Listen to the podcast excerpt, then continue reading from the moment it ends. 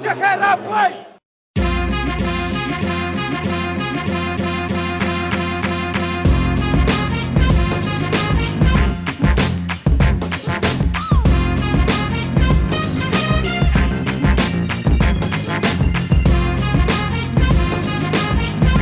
Jo, jo, živijo, Jure, kako si, kako gre, kaj kaj počneš? Ja, je v redu, lih dela mečkam brskam po internetu, kaj se je dogajalo v športu, kaj je zanimivega, kakšen dober rezultat, kakšen slab, le, bomo se pogovorili mečkam. Bomo, ja, sva rekla, bo danes mi dva posnela tole kofetkanje, krajši podcast, pregled aktualnih športnih novic, dogajanja v zadnjem tednu, kaj je bilo tisto najbolj zanimivega in kar ene par zanimivih stvari, eh, sicer uspehi eh, slovenskih športnikov v različnih športih. Niso ravno tako dobri, kot bi hoteli, ampak eh, nekaj pa je za obdelati, kakšno besedo reči o tem. Ti si bil navdušen nad Laniškom, njegovim drugim mestom v Zakopanih. Jaz eh, zdaj v zadnjem času malo več pozornosti posvečam Avstralijan Openu, eh, upam na finale, ti fingers crossed, da bomo videli Nadala in Djokoviča spet v enem finalu. Vedno, ko igrajo Nadal, Djokovič ali Federer, kakšna kombinacija teh treh, mislim, dva od teh treh, ko igrata so to dvoboji, ki jih ljubitelji športa ja, ne moremo zamuditi, in uh, tudi jaz teh dvobojev ne zamudim. Si kaj gledal v Australijan Open?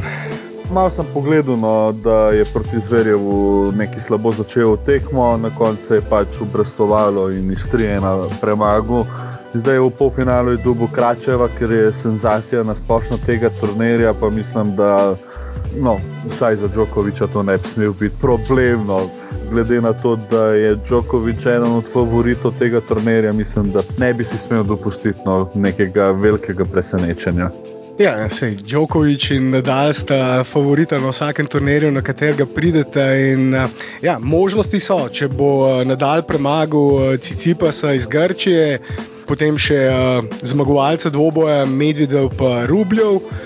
Djokovič, pa seveda tega senzacionalnega Karačeva, ki si ga omenil. Um, ja, potem bomo spet gledali um, finale Nadal, Djokovič.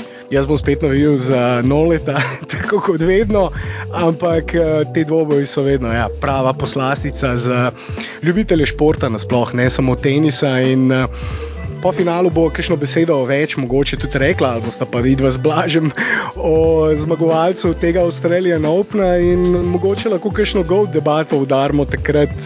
Djokovič, Nadal in Federer. Čeprav mislim, da med to trojico zaenkrat, glede na Federerja, ostaš je Federer še vedno pred njim, ampak bi bilo zanimivo. No? Ampak To je tudi ti, se spomniš, ravno prej sem začela snemati, smo se malo pogovarjali in uh, si ti začel ravno go debato, Jordan, Lebron.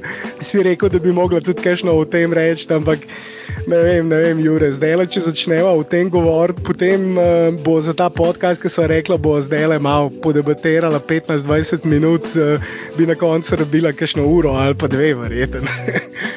Zdaj bo prvo povedala teh par novic, ki jih imamo za povedati o teh dogodkih.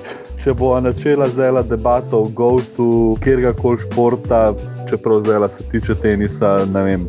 Jaz sem še zmeraj navijač Federerja in tako bo stal Ja, jaz sem v bistvu mislil, da boš rekel tisto, kar si rekel, prej so začela snemati, da je zate Lebron, Gold, ne Michael Jordan, okay. je meni men zakuhal in sem rekel, to je zdaj le ena ura mojega renta, zakaj Lebron na tej točki še ne more biti Gold, ampak imaš prav.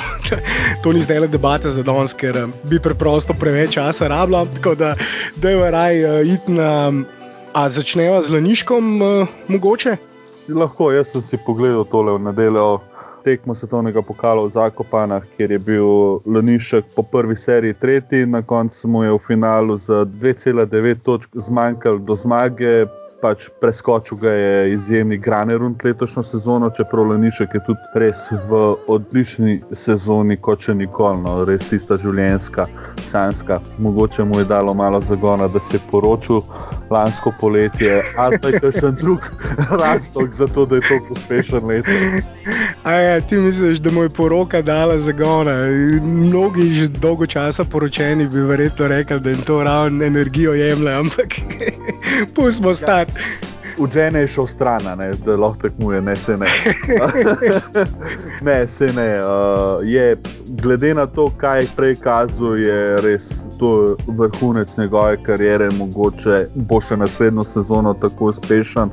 Pač upamo, ne, da bo še zmeraj uspešen vsakmo našemu športniku prvošmo, da je med najboljšimi, ker večinoma slovenci gledamo, da so naši športniki neko vrhu in smo neki glory hunterji in spremljamo vedno samo takrat, ko so res neki dobri rezultati. Pri smučanju, pri skokih, pri košarki, zdaj, ki je bilo mečkan slab, smo jih spluvali na polno.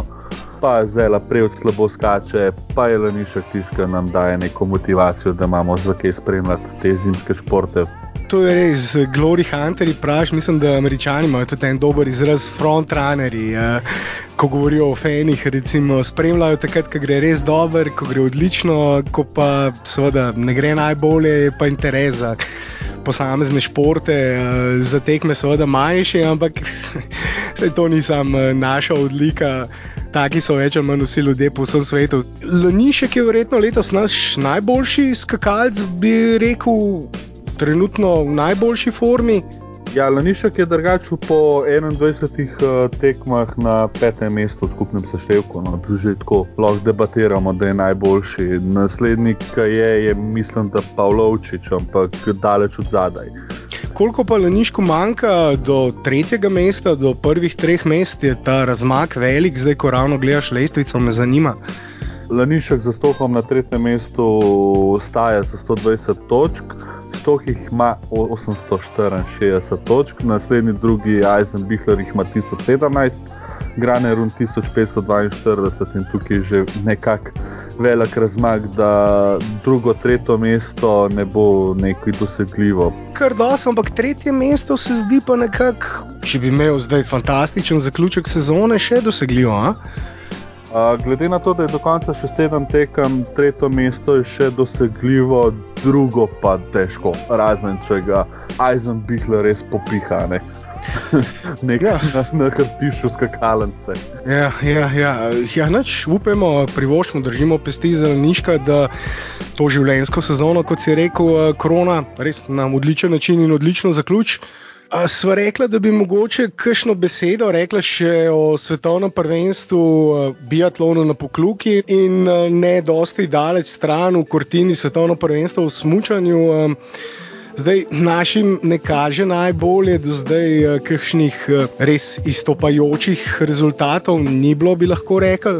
Mečkam sem uč vrgu na to smučanje in biatlon.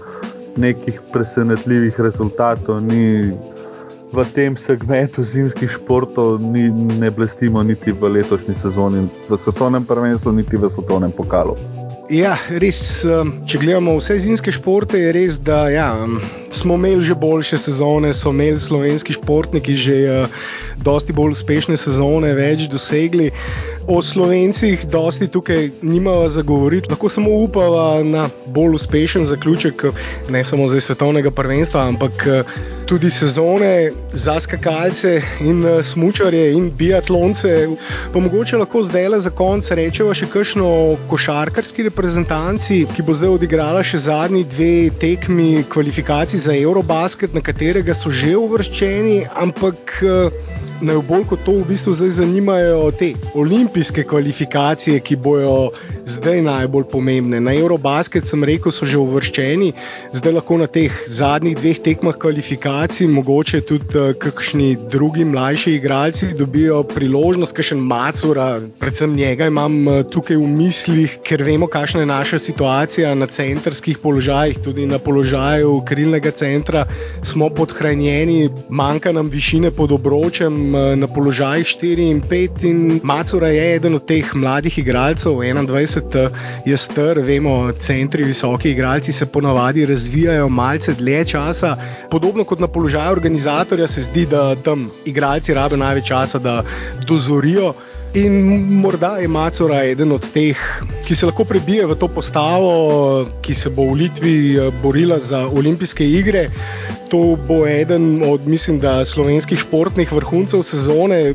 Uvrstitev na olimpijske igre bi bila za košarkarsko reprezentanco zgodovinska.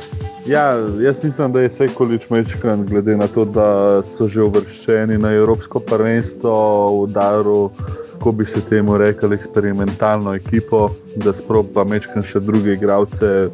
Ta manjko igralcev, ki igrajo v Euroligi, kot je Prepelič, eh, pa še Zoran Dragič, morajo nekako igrati ekipo skupaj, kot je naprimer Juri Macora v teh letih, 21 letih mogoče bo dobil tisto minutažo, da se bo dokazal, da je sposoben prijeti v reprezentanco in da tudi v kvalifikacijah za olimpijske igre dobi kakšno minuto, dve, še ne celo kakšno več, odvisno, koliko se bo izkazal. Ja, jaz ne bi ravno rekel, da je eksperimentalna reprezentanca okostje, glavni igralci so isti, kot so bili, ampak ja, nekaj igralcev bo verjetno dobilo zdaj priložnost, da se dokažejo in preko tega morda izborijo, posledično, seveda, če jim rahla prideti na olimpijske igre, tudi mesto v tisti postavi, ki bo igrala na olimpijskih igrah, kar pa nedvomno more vsakmu igralcu predstavljati ogromno, gromozansko motivacijo za to, da res odigrajo dobro in bomo videli, kako bo zdaj kakšni igralci, ki do zdaj niso dobili priložnosti v reprezentanci, kako bodo to priložnost izkoristili. Ta centrski položaj, namreč to je tisto, kar bo verjetno tudi odločalo potem v Litvi. V Litvi bo šest ekip v dveh skupinah, ampak te skupine se potem križata, ekipe, ki bodo tam že poznamo. Poleg nas še Litva, Poljska, Koreja, Venezuela in Angola. Torej, eh, ko govorimo o resnih konkurentih, je Litva tista, ki bo največja ovira. To je že jasno, z Litvo se bomo verjetno potem srečali v finalu. Zdaj, eh, preden sem začela snemati, sem ravno gledala te datume, kako se bo končala NBA liga ali bo lahko Luka prišel, ali bo lahko tudi Čančar, ki bi lahko igral pomembno vlogo, ki je lahko en tak X-faktor, joker v tej reprezentanci, zaradi tega, ker ne igra v Denverju, seveda ne moramo oceniti, kakšen napredek je naredil tehnično kot igralec. Vemo pa, da se je predvsej ukrepil in pri svojih 205-206 cm. Uh, In uh, tako na Bilden, kot zdaj izgleda na fotkah, bi uh, on lahko bil morda resna opcija na položaju 4. Ta dva igralca, seveda, Čančar in najbolj, daleč najbolj, seveda, pomemben Luka Dončić. Če one dva prideta, je ekipa z Dončićem, seveda, povsem drugačna, kot pa bi bila sicer in tudi naše možnosti povsem drugačne. In možnosti za to, da Luka pride, so kar dobre, Anada verjetno Dallas uh, nima te možnosti, da bo do finala prišel. Je pa res, da reprezentanca se bo popolnoma spremenila že znotraj teh kvalifikacij za olimpijske igre. Glede na to, da se pridružijo Prepelič in Dragič, Zoran seveda, pa pa če bo Dončić kmalo zaključil svojo sezono v Dallasu, je pa to popolnoma druga ekipa in že samo iz tem, da se Dončić pa Prepelič pridružita, je to neka dobra kombinacija v reprezentanci in mislim, da tukaj bo treba počakati, kako se bo nasplošno vse skupaj odvijalo do takrat. Pa če bo imel Luka zeleno luč za nastop zeleno luč bo imel, tukaj ni um, nobenega vprašanja o zeleni luči, ker uh, NBA kljub igralcu ne sme in uradno ne more preprečiti nastopa za reprezentanco, ko je sezone konec. Seveda. In če Dallas ne bo prišel recimo v finale konference na zahodu ali pa potem v veliko finale, se zdi, da bo Luka na voljo in bo lahko igral za reprezentanco, ker imate namreč NBA uh, in FIBA sklenjen uradni dogovor, po katerem NBA klubi um, ne smejo in ne morejo igralcu preprečiti igre za reprezentanco, ko je sezone konec. Tako da tukaj je zdaj samo tisto glavno vprašanje, kdaj bo Luka končal sezono. Playoff eh, v NBA ligi se bo predvidoma, ta datum še ni eh, dokončno določen, ampak predvidoma, če ne bo kakšnih prekinitev v sezoni, potem se bo playoff začel tam nekje 22. maja in uh, trajal najkasneje do 22. julija. Olimpijske igre se začnejo 23. julija, ta kvalifikacijski turnir v Kaunasu, na katerem bo nastopila slovenska reprezentanca, pa 29. junija. Tako da zdaj je vprašanje, seveda, kako daleč bo Lukas Dalasom prišel v playoffu. Prej sem rekel, samo nek čudež z neba se lahko zgodi, da Dalas pride do finala. Tako da, glede na to, kako poteka sezona Dalasa, mislim, da finale je že daljnici za naslednjo sezono ali dve. Uh, Tri ali bo, štiri ali pet. Ja, in da se bo Dončić pridružil reprezentanci za olimpijske igre oziroma za kvalifikacije za olimpijske igre.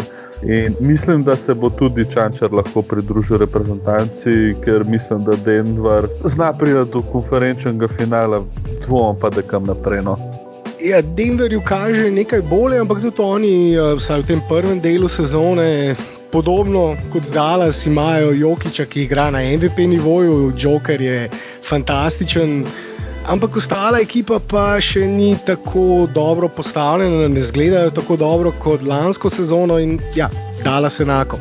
Dončić igra na MVP nivoju, ostala ekipa pa jih čaka še precej dela, ne samo zato, da bi recimo v playoffu kaj resnega naredili, ampak tudi zato, da si zagotovijo mesto v playoffu. Tukaj je še dosti negotovosti, lahko pa rečemo in o tem kvalifikacijskem turnirju, pa tudi o teh tekmah, eh, zadnjih dveh tekmah Eurobasket kvalifikacij, bomo seveda v naslednjih podcastih še dosti govorili. Mogoče ostaviti vas blažen, kaj pokofetkala o tem eh, v naslednjem kofetkanju. Ampak lahko rečemo, da če imamo kompletno reprezentanco, če pride Luka in vsi ostali igralci, ti si že omenil Zokija, Dragiča, Prepeliča iz Eurolige, oba igrata dobro, zelo dobro. Zokija vloga je sicer eh, malce manjša v njegovi ekipi kot Prepeličeva v Valenciji, ampak oba igrata dobro, oba sta dobra euroligaška igralca, nadpoprečna euroligaška igralca. Prepelič je v zadnjih letih postal eden od boljših evropskih branilcev, šuterjev, dvojk. Zagotovo je eden od boljših, če vzamemo tiste evropske branilce, ki seveda igrajo v NBA ligi, prepelič v Evropi, sodi v tisti najboljši procent ali dveh evropskih branilcev, tukaj ni nobenega dvoma. Zraven še zoki, Blažič ima fantastično sezono, tudi on je v zadnjih letih napredoval in res eh, je eden od glavnih motorjev CD-vite Olimpije, ki igra zelo dobro, ki igra zelo dobro v Abu Leiji in eh, v Eurokupu.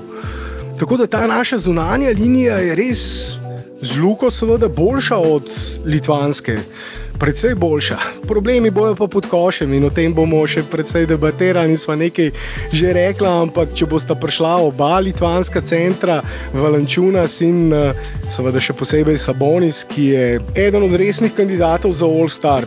Podedoval je dosti talenta od očeta, tukaj ni nobenega dvoma.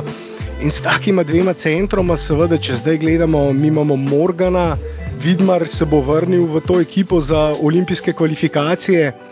Ampak to je pa potem to. In uh, Morgan, kljub temu, da je treba reči, da je uh, Košarkarska zveza zopet z naturalizacijo zadela v polno, zadela v črno, je treba reči, da tako kot z Randolphom so tudi tukaj dobili igralca, ki je bil morda celo v teh kvalifikacijah, odkar igra, če ne najboljši, pa eden od dveh najboljših igralcev v ekipi. Ampak tisto, kar mene skrbi, je seveda to pomankanje centimetrov. Visoke 203 cm, 202, 203, toliko kot Dončić v bistvu. In, uh, ne vem, kako se bo on ruval uh, z Valenčunasom in še posebej s Bonisom, in ne vemo, v kakšnem stanju je seveda Vidmar. Da to je ena debata, o kateri bi tudi lahko verjetno debatirala zelo dolgo. Ja, debatirala bi lahko do jutra. Uh, mislim, da pač, če se vrne Vidmar, bo nekako popolna postava centrska. Imamo drugače dimca, si pozabo omeniti na centrski poziciji in tukaj tista višina se pridobi. V tem ciklusu na kvalifikacije za Evropsko prvenstvo smo pač mečkani z desetkami, ampak uh, nič hudega. Mečkani se bodo sprobali igravci, kjer bojo se mogoče priključili reprezentanci za olimpijske igre oziroma za kvalifikacije. In potem še dodali tam v kvalifikacijah Dončiča, Prepeliča, Dragiča, Čančarja. In mislim, da Čančar bi znal na moč Saboni so ostatno. Smo ga že videli, kako je v pripravljalni tekmi s Kantarjem se je boril pod košom in je kar konkretno oddelal svoj del. Ne? Ja, sej, uh, sem omenil dodatno maso čančarja, ki je v zadnjih letu, dveh. 10-15 kg mišične mase, zgleda, da je dodal, vsaj če po fotkah, ki jih je objavil na svojem IG-ju, domnevamo.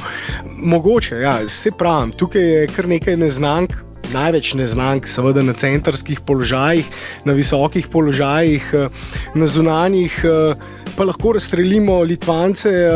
Z parketa, če seveda vsi naši ti branilci zadevajo trojke. Ampak samo na to se ne gre zanašati. Sabonis in Valančunas lahko izpod obroča zelo učinkovito odigrata in tudi data skupaj plus 20, 30 ali pa še več točk. Tako da, ja, to bojo debate še za naprej. Uh, bi še kaj dodal, Jure, um, preden zaključujem to najno konfetkanje. Jaz sem uh, kao uh, že skoraj da spil, tako da lahko počasi končava. Jaz sem jih zadnjo kapljico posrl, ko mislim, da lahko kava.